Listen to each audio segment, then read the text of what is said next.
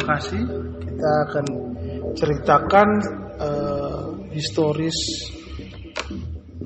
Robinson Ryuga alias Ryuga. Ryuga yang uh, secara sejarah akan saya ceritakan menurut versi keluarga yang kami tahu. Mungkin akan ditambahin Kak Oscar juga secara uh, aktif saja. Dari uh, awalnya pertemuan Riwuga dan Soekarno di ND pada tahun 1932 atau 33. Nah, pada waktu itu memang pada masa pembuangan pertama oleh Belanda, Soekarno dibuang di ND Flores karena NTT belum terbentuk dan Indonesia belum terbentuk.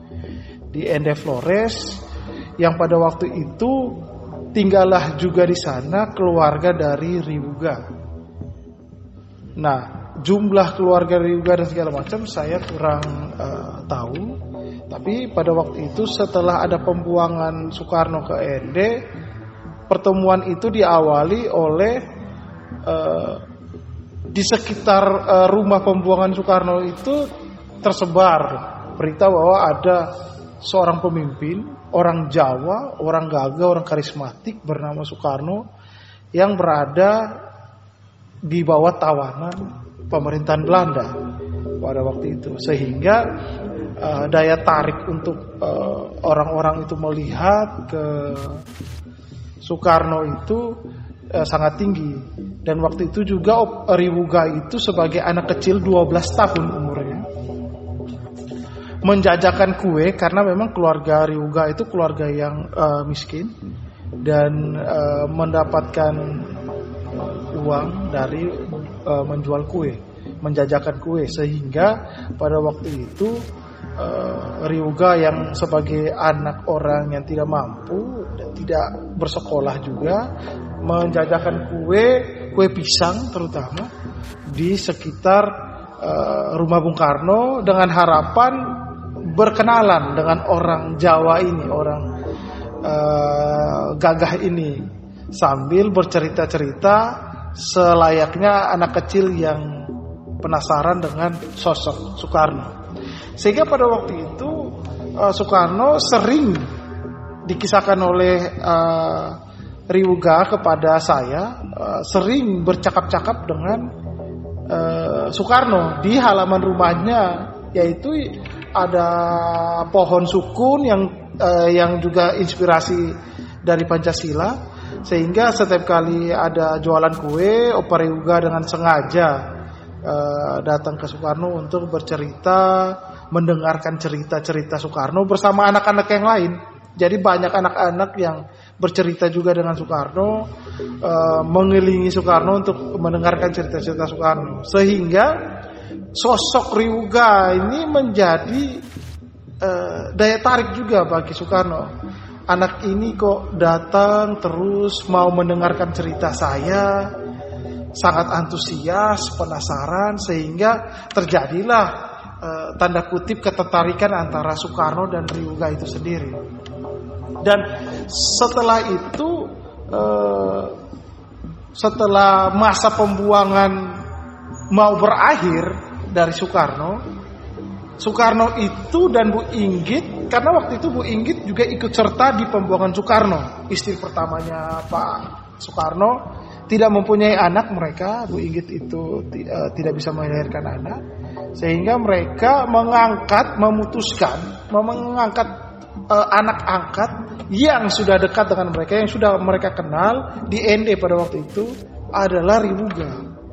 Dan saya percaya, yakin di tahun 33 atau 34 35 itu yang akan membawa Riwuga ke uh, tanah Jawa dan Sumatera itu ada proses meminta izin.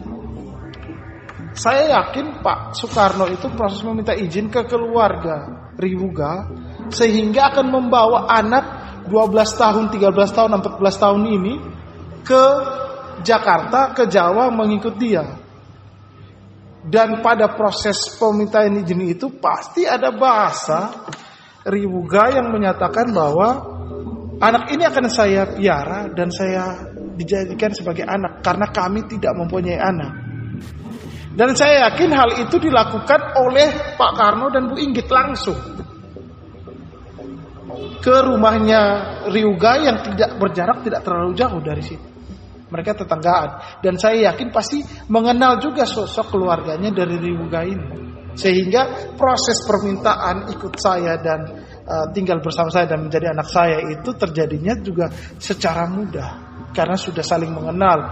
Dan mungkin dari keluarga Ryuga juga melihat bahwa uh, potensi Ryuga untuk bersama-sama dengan orang Jawa ini Soekarno ini itu akan lebih baik ke depannya sehingga mereka mengizinkan untuk Ryuga ini, ikut serta dengan Soekarno dan Bu Inggit untuk mendampingi ke mana saja Bu Karno uh, pergi. Nah, setelah dari ND, mereka proses untuk pembuangan selanjutnya ke Australia waktu itu. Nah, pada waktu pembuangan ke Australia, itu Belanda hanya mengizinkan Soekarno saja untuk uh, dan Bu Inggit untuk ke uh, Australia di pembu pembuangan itu. Uh, dia tidak mengizinkan ada orang lain ikut, apalagi pengawal atau lagi apa. Mereka tapi Soekarno dengan ngototnya bahwa anak angkat mereka harus ikut karena ini anak saya. Karena secara Islam kalau anak itu sudah diangkat menjadi walinya, wajib Soekarno untuk bertanggung jawab kepada dia. Itu kita boleh uh, baca literasi tentang uh, kekeluargaan, sistem keuangan di Islam dan segala macam. Ya. Itu itu semua pasti literasi itu sehingga Soekarno dengan memakai alasan itu uh, dia tidak mengikuti perintah dari pemerintahan Belanda untuk dibuang ke Australia. Sehingga memilih untuk dibuang di Bengkulu yang bisa bersama-sama dengan uh, keluarganya yaitu Bu Inggit dan uh, Ribuga ini. Sehingga pada waktu pembuangan di Bengkulu setelah beberapa tahun dan uh, Ribuga sudah menginjak remaja juga mungkin sekitar umur 17 18 tahun 16 17 18 lah. Uh, sehingga pembuangan di Bengkulu itu pertemuanlah Soekarno dengan Bu Fatmawati Bu Fatmawati dan terjadilah mungkin ada Soekarno jatuh cinta kepada Bu Fatmawati sehingga tanpa sepengetahuan Bu Inggit uh, Soekarno ada uh, berhubungan dengan Bu Fatmawati. Waktu itu uh, Bu Inggit itu kan uh, posisinya kan istri pertama, dia tidak mau dimadu sehingga uh, Bu Inggit itu tuntut perceraian dari Pak Karno.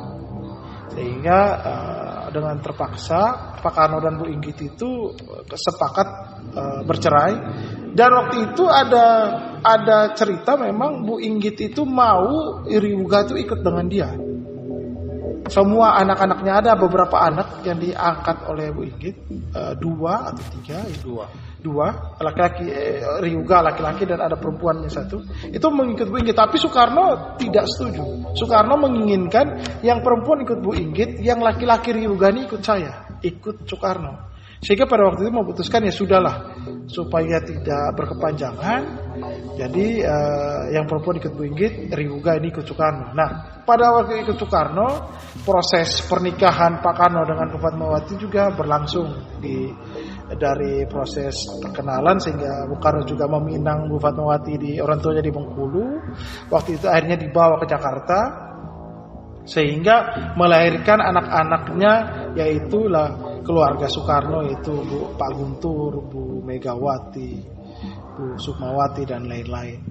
Dan itu di dirawat oleh salah satunya Riuga yang merawatnya juga sebagai kakak tertua, kakak tiri kakak angkat. Nah, seperti itu.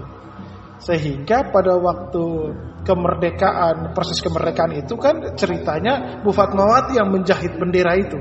Karena sudah Fatmawati sudah prosesnya tahun 45 itu sudah menjadi istri Soekarno. Sehingga uh, proses uh, dari proklamasi Indonesia dari Rengas Dengklok ke Penggangsaan Timur itu Riuga dan Bu Fatmawati itu turut hadir di situ karena itu adalah keluarga inti, ring satunya Soekarno.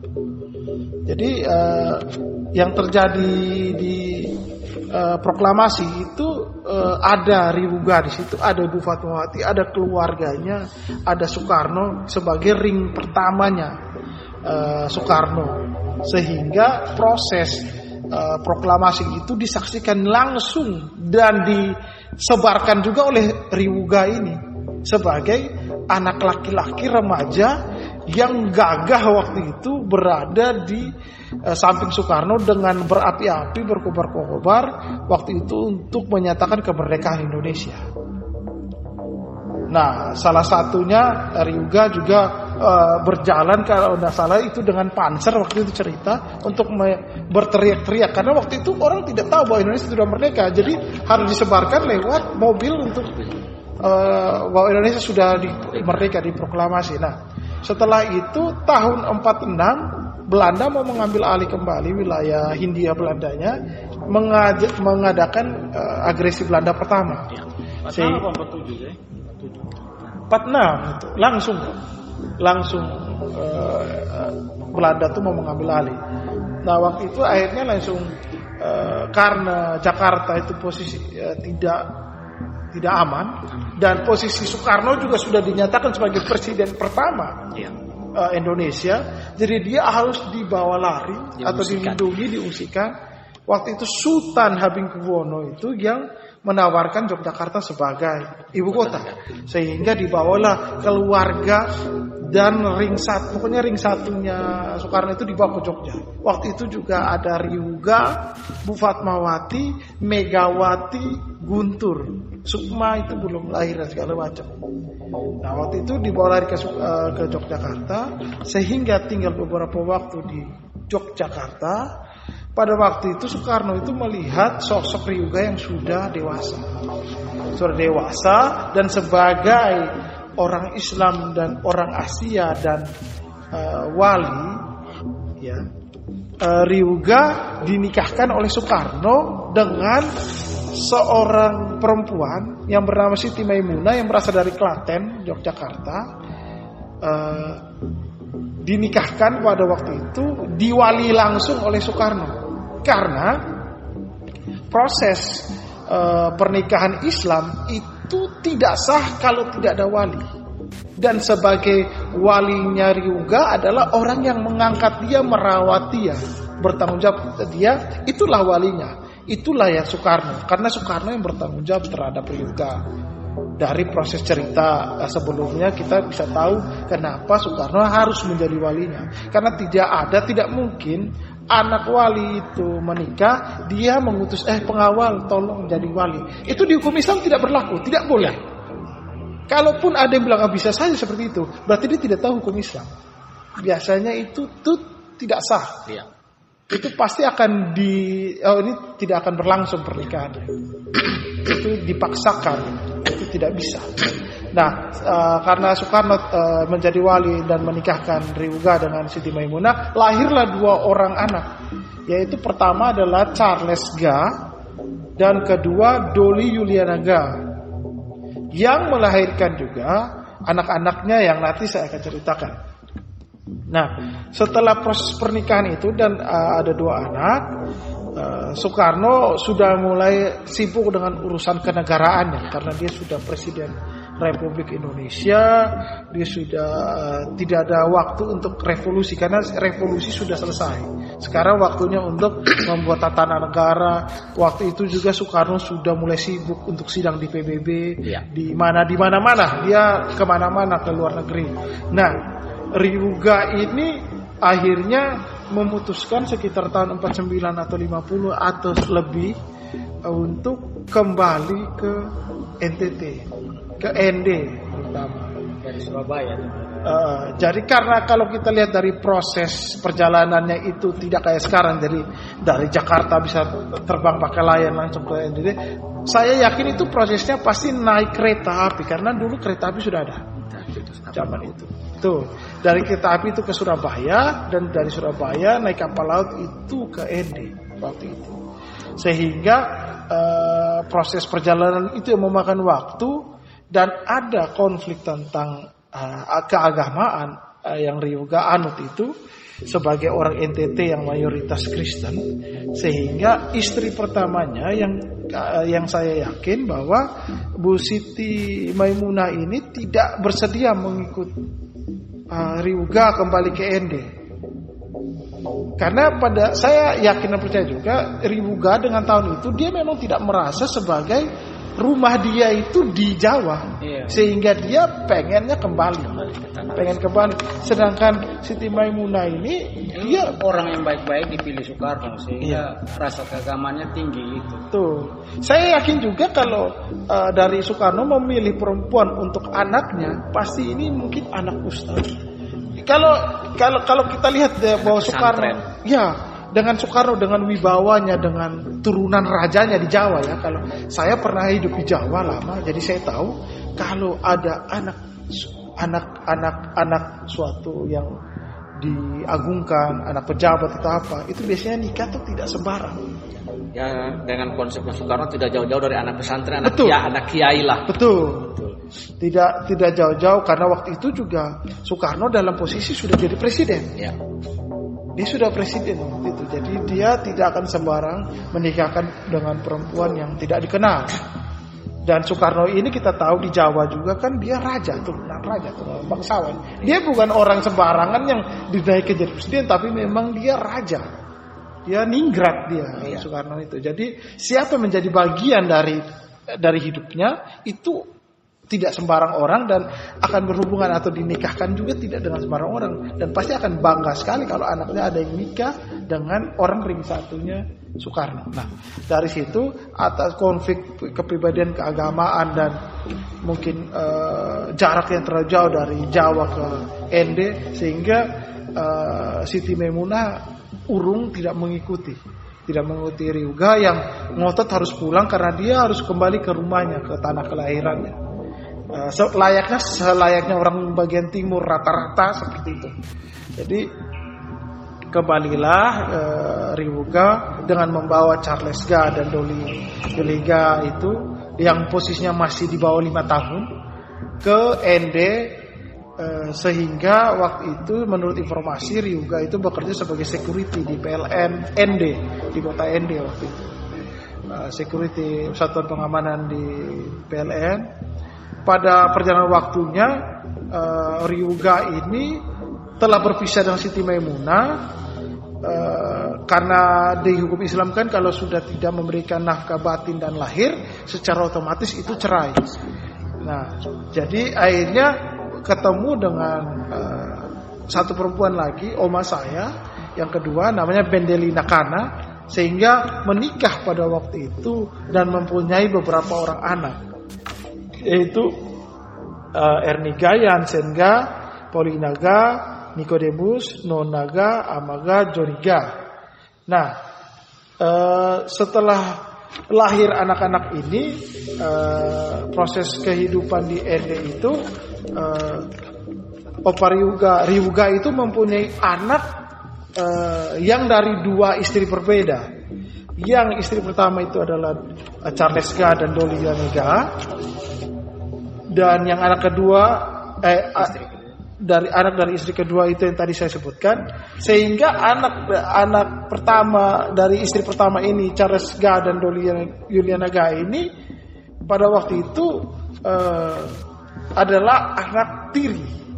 Anak tiri dari Bendelina Ga Bendelina Kana ini Bendelina Kana Ga ini. Jadi Waktu itu Doli Riana kan sudah lebih besar daripada anak-anak yang lain sehingga dia merawat. Pada waktu lulus SMA di ND, Doli Yuliana Ga ini mau disekolahkan lagi, dititipkan di rumah saudara di Kupang untuk melanjutkan sekolah. Uh, iya, uh, dititipkan di keluarga raja orang Sabu juga di Kupang untuk dilanjutkan sekolah keperawatan pada waktu itu. Rumah Raja berlokasi di berlokasi di, di samping rumah di samping Gubernur NTT pertama eh, NTT, El Tari di Fontaine. Di Fontaine. Di Fontaine. Di Fontaine. Ya. Jadi tiris rumah itu di samping rumah. Jadi akhirnya uh, dengan uh, Doli Yulianaga yang duluan ke Kupang untuk bersekolah keperawatan bertemu dengan ayah kami yang bernama Christian Sandi yang waktu itu sudah bekerja di Bank Pembangunan Daerah NTT. Sehingga terjadilah proses pertemuan dan jatuh cinta uh, dan ayah saya ingin menikahi ibu saya Dolia Rega dengan adat-adat yang harus dipenuhi oleh Christian Sandi. Nah, dengan adat-adat yang harus dipenuhi Kristen Sandi ini, adat-adat orang Sabu itu adalah bahwa laki-laki yang mau menikahi perempuan Sabu itu harus membayar belis. Belis itu adalah mas kawin. Mas kawin yang harus diserahin ke keluarga perempuan agar perempuan itu dinyatakan sah menjadi istri dari uh, laki, dari Kristen Sandi. Uh, sehingga pada waktu itu Kristen Sandi itu memberikan atau menyodorkan sebidang tanah di Nekoten sebagai tanda mas kawin itu kepada keluarga Doli uh, Ga ini uh, agar menjadi syarat adat menjadi istrinya Kristen Sandi. Sehingga pada waktu itu ketika persyaratan itu sudah dipenuhi oleh oleh Kristen Sandi, keluarga dari Riuga ini, ayahnya dari mama saya Dulianaga ini uh, berpindahlah dari Ende itu ke Kupang. Tinggal di rumah menantunya Kristen Sandi ini dengan anak-anaknya yang tadi saya sebut dari jadi Riuga dan Bendelina Kanaga ini datang dari Ende dan anak-anaknya tinggal di rumah Kristen Sandi untuk sambil menunggu pembangunan rumah di Nekoter ini sebagai tanah yang diberikan sebagai belis itu dari Kristen Sandi ke ke Doli Yurinaga itu. Sehingga uh, tinggal selama uh, dua atau tiga tahun ya. Dua atau tiga tahun. Uh, dua tiga tahun di rumah Kristen Sandi dan pada di setelah desa Mantasi. di desa Mantasi itu dan setelah rumah jadi pindahlah dari rumah Mantasi rumah Kristen Sandi ini ke rumah Nekote dan berjualan di sana mereka Nah, berkios. jadi proses Riwuga uh, uh, Riwuga dan keluarganya sampai di Kupang itu adalah berkat dari proses pernikahan antara Christian Sandi dan Doli Yulia Sandi sehingga mendapat mas kawin tanah dan mereka uh, Riwuga ini Iya. dari ND menuju ke Kupang. Uh, menuju ke Kupang dan sampai akhir hayat Riwuga itu juga meninggalnya di Kupang. Seperti itu. di tanah yang ba- ma- yang belis ini. Uh, Iya, di Tanah Belis Di itu. tanah belis itu. Betul. Jadi kami anggap tanah bilis itu eh, mungkin saya tambahkan bahwa mungkin karena kalau belis barangkali iya tetapi mungkin uang air susu Uang air susu. uang air susu Balas karena Iya. uang balas budi karena mereka membesarkan mama saya Karena konsep budaya dalam Iya, perspektif budaya NTT Iya. khususnya sabu, Iya. uang air susu. Ya, Betul. karena kalau Ruga ambil, dia kan posisi anak tiri mama saya, Iya. ambil Ibu Siti Maimunah itu kan tidak ada belis begitu. Iya. Sedangkan dia kan kalau mungkin ambil anak dari Bendelina Kana barangkali itu pakai belis, tapi kami percaya itu mungkin belis yang dikonversi jadi sebetulnya mungkin uang uang lelah, uang air susu. Sampai iya. Dari eh, jadi saya sambung dari proses pernikahan Doli Yunisani dan Christian Sandi itu adalah lahirlah delapan orang anak. Yaitu adalah pertama adalah Oscar Sandi, yang kedua Riksam Sandi, yang ketiga Freddy Sandi, yang keempat Yosia Sandi, yang kelima Dana Sandi itu perempuan, yang keenam itu Sawi Sandi perempuan juga, yang ketujuh Yupri Sandi laki-laki, yang kedelapan saya sendiri Agustur Yuga Sandi. Dari jadi itu adalah cucu pertama dari istri pertama Doliana Sandi itulah Siti Maimunah melahirkan Doli Charles Ga dan Doliana Ga melahirkanlah itu delapan orang anak itu. Itu Se- pertama ini. Iya. Dan Charles Etama Charles Charles Ga ini eh, cukup lama tidak menikah. Iya. Di masa tua baru menikah gitu, dan punya anak laki-laki cuma satu. Gitu. Kami eh, lupa namanya. Nanti Jadi di umur sudah senja baru dia menikah. Satu tinggal. Jadi, nah eh, setelah proses pe- perpindahan Riwuga dari rumah Mantasi, rumah Kristen Sandi ini ke Iya. eh, Nekoten, Iya. sehingga eh, apa? Jadi proses eh, Riwuga itu sudah ada di Kupang dan eh, tertutup dari sejarah. Ya, Akibat masa Orde Baru yang memang represif dengan orang-orang yang mengikut Soekarno. Soekarnois Betul, Soekarnois itu pasti Mem- membuka Betul. mereka karena takut diketahui publik berakibatkan dampak yang tidak baik Betul. bisa hilang jabatan pekerjaan dan lain sebagainya betul. Jadi akibat dari tekanan Orde Baru sehingga orang-orang di ring satunya Soekarno termasuk eh, kakek kami Riuga ini juga tidak memunculkan diri karena Aktivitasnya. berbahaya bagi keluarga dan dirinya sendiri.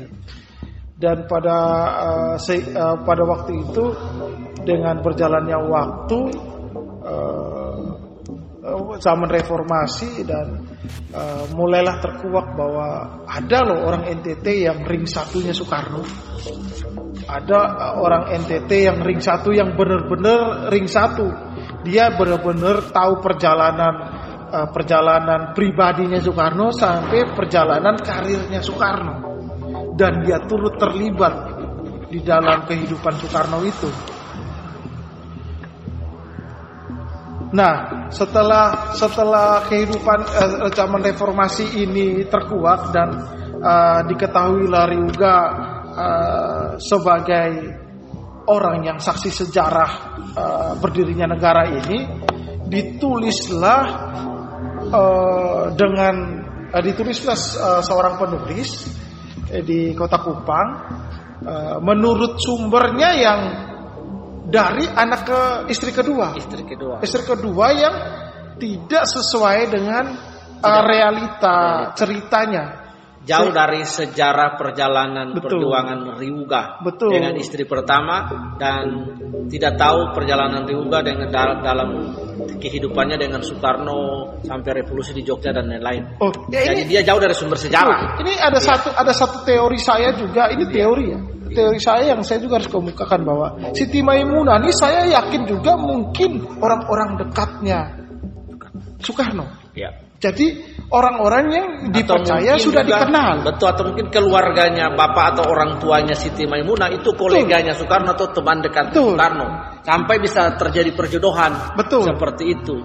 Jadi jadi eh, saya yakin itu juga orang dekat dan sudah dikenal sehingga eh, perkawinan ini memang sebenarnya perkawinan yang benar-benar sah dan sudah masuk dalam perencanaan matang oleh Soekarno karena orang-orang ring satu Soekarno itu pasti harus dikenal eh, bebek bobot dan bibitnya eh, pernikahan ini. Jadi ini yang dihilangkan oleh penulis eh, Sejarah Riuga. secara juga ini Iya. dia eh, secara sengaja menurut saya menghilangkan peran dari istri pertamanya Ryuga padahal eh, saya yakin dan percaya bahwa istri pertama Ryuga ini adalah mungkin saksi perjalanannya Soekarno Sejarah, juga ber- iya. bersama-sama Ada teori lain juga bahwa kalau penulis cerita Ryuga versinya dia, ya itu mengambil cerita itu dari anak-anak Ryuga dan Bendelina Kana, sementara anak-anak itu jauh sekali dari sumber sejarah. Betul. Mereka tidak mengetahui papanya mereka punya perjuangan Betul. dengan istri pertama yaitu Siti Maimunah. Betul. Dan anak harusnya yang bisa menceritakan itu adalah anak-anak dari Riuga dengan Siti Maimunah yaitu Charles Ga dan Dolly Juliana Ga. Sementara anak-anak ini belum lahir itu istri kedua. Jadi mereka jauh dari sumber sejarah seperti itu. Itu teorinya begitu yang teori semakin jauh seseorang dari sumber sejarah maka informasi tidak valid betul ataupun informasi dibuat berdasarkan tafsir sendiri. Ya dalam tanda kutip juga bisa halusinasi sejarah lah. Orang halus sejarah kan istilahnya ya mengarang bebas bisa juga tidak berdasar sejarah. Lanjut.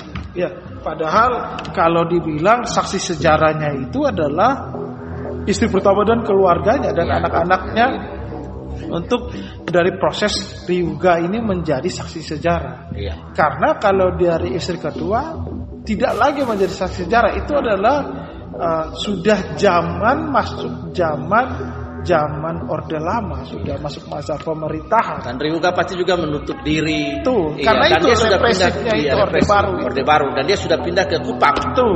Betul. Jadi kalau Dan bisa anak-anak yang lahir di Kupang ini mereka tidak hidup di Ende sebelum pindah ke Kupang. Mereka pindah ke Kupang itu kan baru Ya, setelah pindah anaknya ke- kawin. Iya, Iya. mereka pindah ke Kupang tuh sekitar 73 74 kan. Iya, sudah jauh dari sejarah sekali. Jadi eh, jadi mungkin kalau penutup dari saya bahwa seorang Ryuga ini eh, adalah saksi sejarah dalam tanda kutip pahlawan dari ETT. Iya. Eh, Pahlawan orang yang yang pahlawan yang belum sempat dan Betul. tidak sempat diekspos Betul. oleh Sejarah. Oleh orang NTT karena itu orang NTT perlu tahu bahwa ND itu tempat lahirnya konsepsinya Pancasila oleh Bung Karno di situ dan salah satu orang NTT yang harus diberitakan mutlak harus diceritakan dalam sejarah perjalanan ini bagaimana dia tahu tentang Bung Karno duduk di pohon sukun menulis konsep-konsep kebangsaan Iya. tentang Pancasila yaitu Ryuga. Iya, menurut Iya. saya juga diceritakan sama Opa Rihuga karena saya SMP Negeri 3 itu dekat tanah kami di Nekoten. Mm-mm. Jadi waktu kami ke sana tuh saya pernah diceritain Opa itu yang mempersiapkan buka rumah makan pagi sajadah, ini air untuk sholat wudu, iya. sholat pagi-pagi. Jadi memang seluruhnya itu memang eh, anak laki-laki dari ini kan anak angkat anak perempuan itu. Jadi memang semenjak dia sudah di rumah Soekarno itu seluruhnya memang semua hal itu uh, Yoga ini yang, dan, yang dan- mengurus. dan hukum Islam juga eh, bahwa anak laki-laki itu adalah penerus. Iya, Iya. karena waktu itu Opa juga sempat bilang bahwa Soekarno tuh nggak mempercayai orang lain karena orang kalau orang selain agama Kristen atau orang-orang Kristen tuh nggak boleh raba orang Islam punya barang. Iya, gitu. itu najis. Iya, jadi inilah Ryuga Makanya kalau Ryuga sampai berani sampai Iya. dipercaya Soekarno mempersiapkan air wudhu, sajadah, untuk sholat dan lain-lain sudah pasti Iya. dia Muslim. pasti. Iya. Ya pasti Iya. dibawa ke Di bawah, Iya, di convert. convert. Ya, Iya. baru eh, sebenarnya Ryuga ini juga kan diangkat dari umur 12 tahun. 12 tahun. Artinya bahwa pengetahuan tentang agama Muslim dia dia lebih banyak. Iya. Karena dari masa kecil sampai dewasa itu Iya. pasti hidup dengan Dengan Soekarno. dengan Soekarno dan belajar ilmu Islam. Ilmu Islam. Sangat. Sehingga eh, dia itu adalah eh, saya bilang dia adalah Muslim. Iya. Ya, cuci pakaian juga, terus ganti spray, tempat tidur segala macam. Kalau orang selain Bahkan orang sebelum orator, bahkan sebelum oratornya Soekarno, Soekarno itu kan harus minum air madu dan kapur kalau nggak salah. Itu disiapin oleh Rio. Itu- Jadi jadi eh, se- eh, ada bacaan yang diucapkan oleh Ryuga yang mungkin doa Al-Fatihah atau Iya. apa itu di air itu juga. Kalau Ryuga sudah Kristen, tidak boleh raba ini. Dia masih bebas untuk Iya. ini. Dan tahun mungkin tahun segitu juga di ND itu mungkin masih agamanya belum Kristen juga. Iya. Karena agama Katolik pun itu pada tahun segitu mungkin hanya bangsawan saja ya. Iya. Baru Enklave. menganutnya. Tahun sekitar tahun 30-an itu kan memang belum NTT itu kan mungkin sekitar Salah satu kerajaannya itu kan Amarasi. ya. itu kan belum Kristen. Iya Katolik. Ya. Nah, eh, proses sejarah lahirnya orang hanya akan tahu tentang Ryuga dari penulis lain Iya. yang memang tidak menceritakan secara Ada di detail. Cindy Adam tapi sekilas dia Iya, nanti saya ada- akan cari. Ya, itu penulis Iya. Indonesia Cindy Adams. ada yang si detail seperti yang kita Hari ini kita rekam di audio. Opa cerita, ma- ma- mama kami juga cerita dikit-dikit, papa juga cerita perkawinan dia yang sulit waktu itu. Iya. Jadi eh, apa nanti rekan yang akan mendengarkan hal ini ini adalah anak cucu dari eh, anak dari cucu dari Ryuga. Ya, Dari istri pertama. cucu dari istri pertama Siti Maimunah dan Siti Maimunah punya anak perempuan yaitu Yuliana Doli ya Doli Yuliana Ga dan diceritakan hari ini oleh Oscar Santi dan eh, Agusto Ryuga. Ryuga. Ya satu-satunya ya dari anaknya. Christian Sandi dan Yuliana Ga yang dikasih nama langsung oleh Ryuga. Ryuga pelaku sejarah ini. Dan para pendengar eh, sejarah, eh, history listener khususnya di podcast ini yang akan kita up juga di podcast bahwa ND adalah salah satu tempat bersejarah dalam lintasan sejarah kebangsaan di mana Soekarno pernah dibuang dan di sana lahirlah konsepsi-konsepsi Pancasila.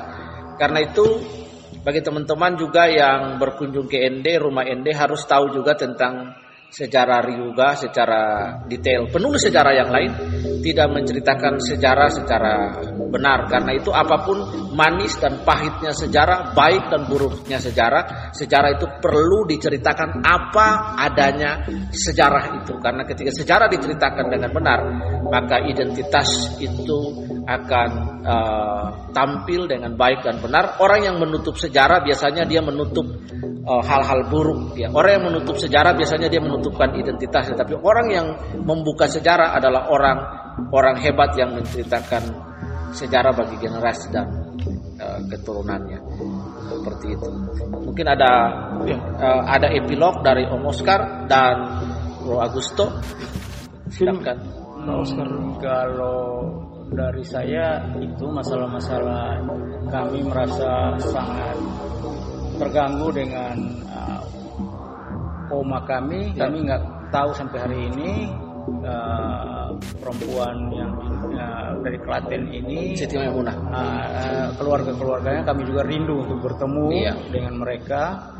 Uh, entah bagaimana caranya karena kami merasa sekali sangat uh, hebat untuk melihat opa kami bisa menikah dengan uh, uh, perempuan dari Yogyakarta. Karena mama kami ini lahir di Yogyakarta uh, Charles juga lahir di Yogyakarta itu kami merindukan juga keluarga yang dari Yogyakarta kami masih kami rindu sekali begitu itu yang kami uh, uh, dengan tulisan ini barangkali kami juga bisa dapat jalan ya, ada sebuah jalan untuk menelisik ya. sejarah sehingga bisa mempertemukan karena kami hilang anak cucu Maimunah ya, ya, ya. Kami, uh, keluarga kita ingin ya. silaturahmi kembali begitu ya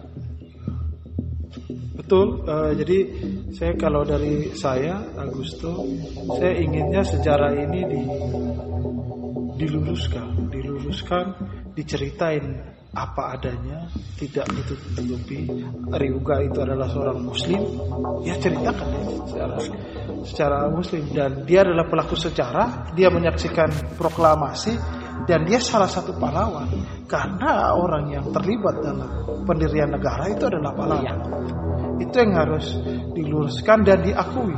Karena kami ingin pengakuan juga bahwa ada uh, apa ada sebuah afirmasi penerimaan dari masyarakat NTT untuk mendukung Ryuga. Kalau hanya menerima ND, menerima ND dan rumah di ND iya. itu sebagai ya, tempat lahirnya Pancasila, tapi tidak menerima Ryuga, iya. maka itu adalah sebuah kegagalan iya, sejarah. Karena juga, tanpa Ryuga, rumah ND itu tidak ada. Kami juga keberatan Ryuga tidak hilang dari secara ND. Iya, Mungkin itu saja dari saya. Terima kasih. Oke, terima kasih buat Om Oscar dan Bung Agusto untuk uh, diskusi sejarah di sore hari ini. Yesus memberkati, semoga kerinduan untuk bertemu dengan keluarga Siti Maimunah di Jakarta, di Yogyakarta boleh dibuka jalan oleh Tuhan, para listener sejarah dapat mendengar hal ini khususnya di Jogja sehingga bisa ditelusuri. Oke, sampai berjumpa pada lain kesempatan dalam Untold Story Ryuga Pahlawan dari Ende.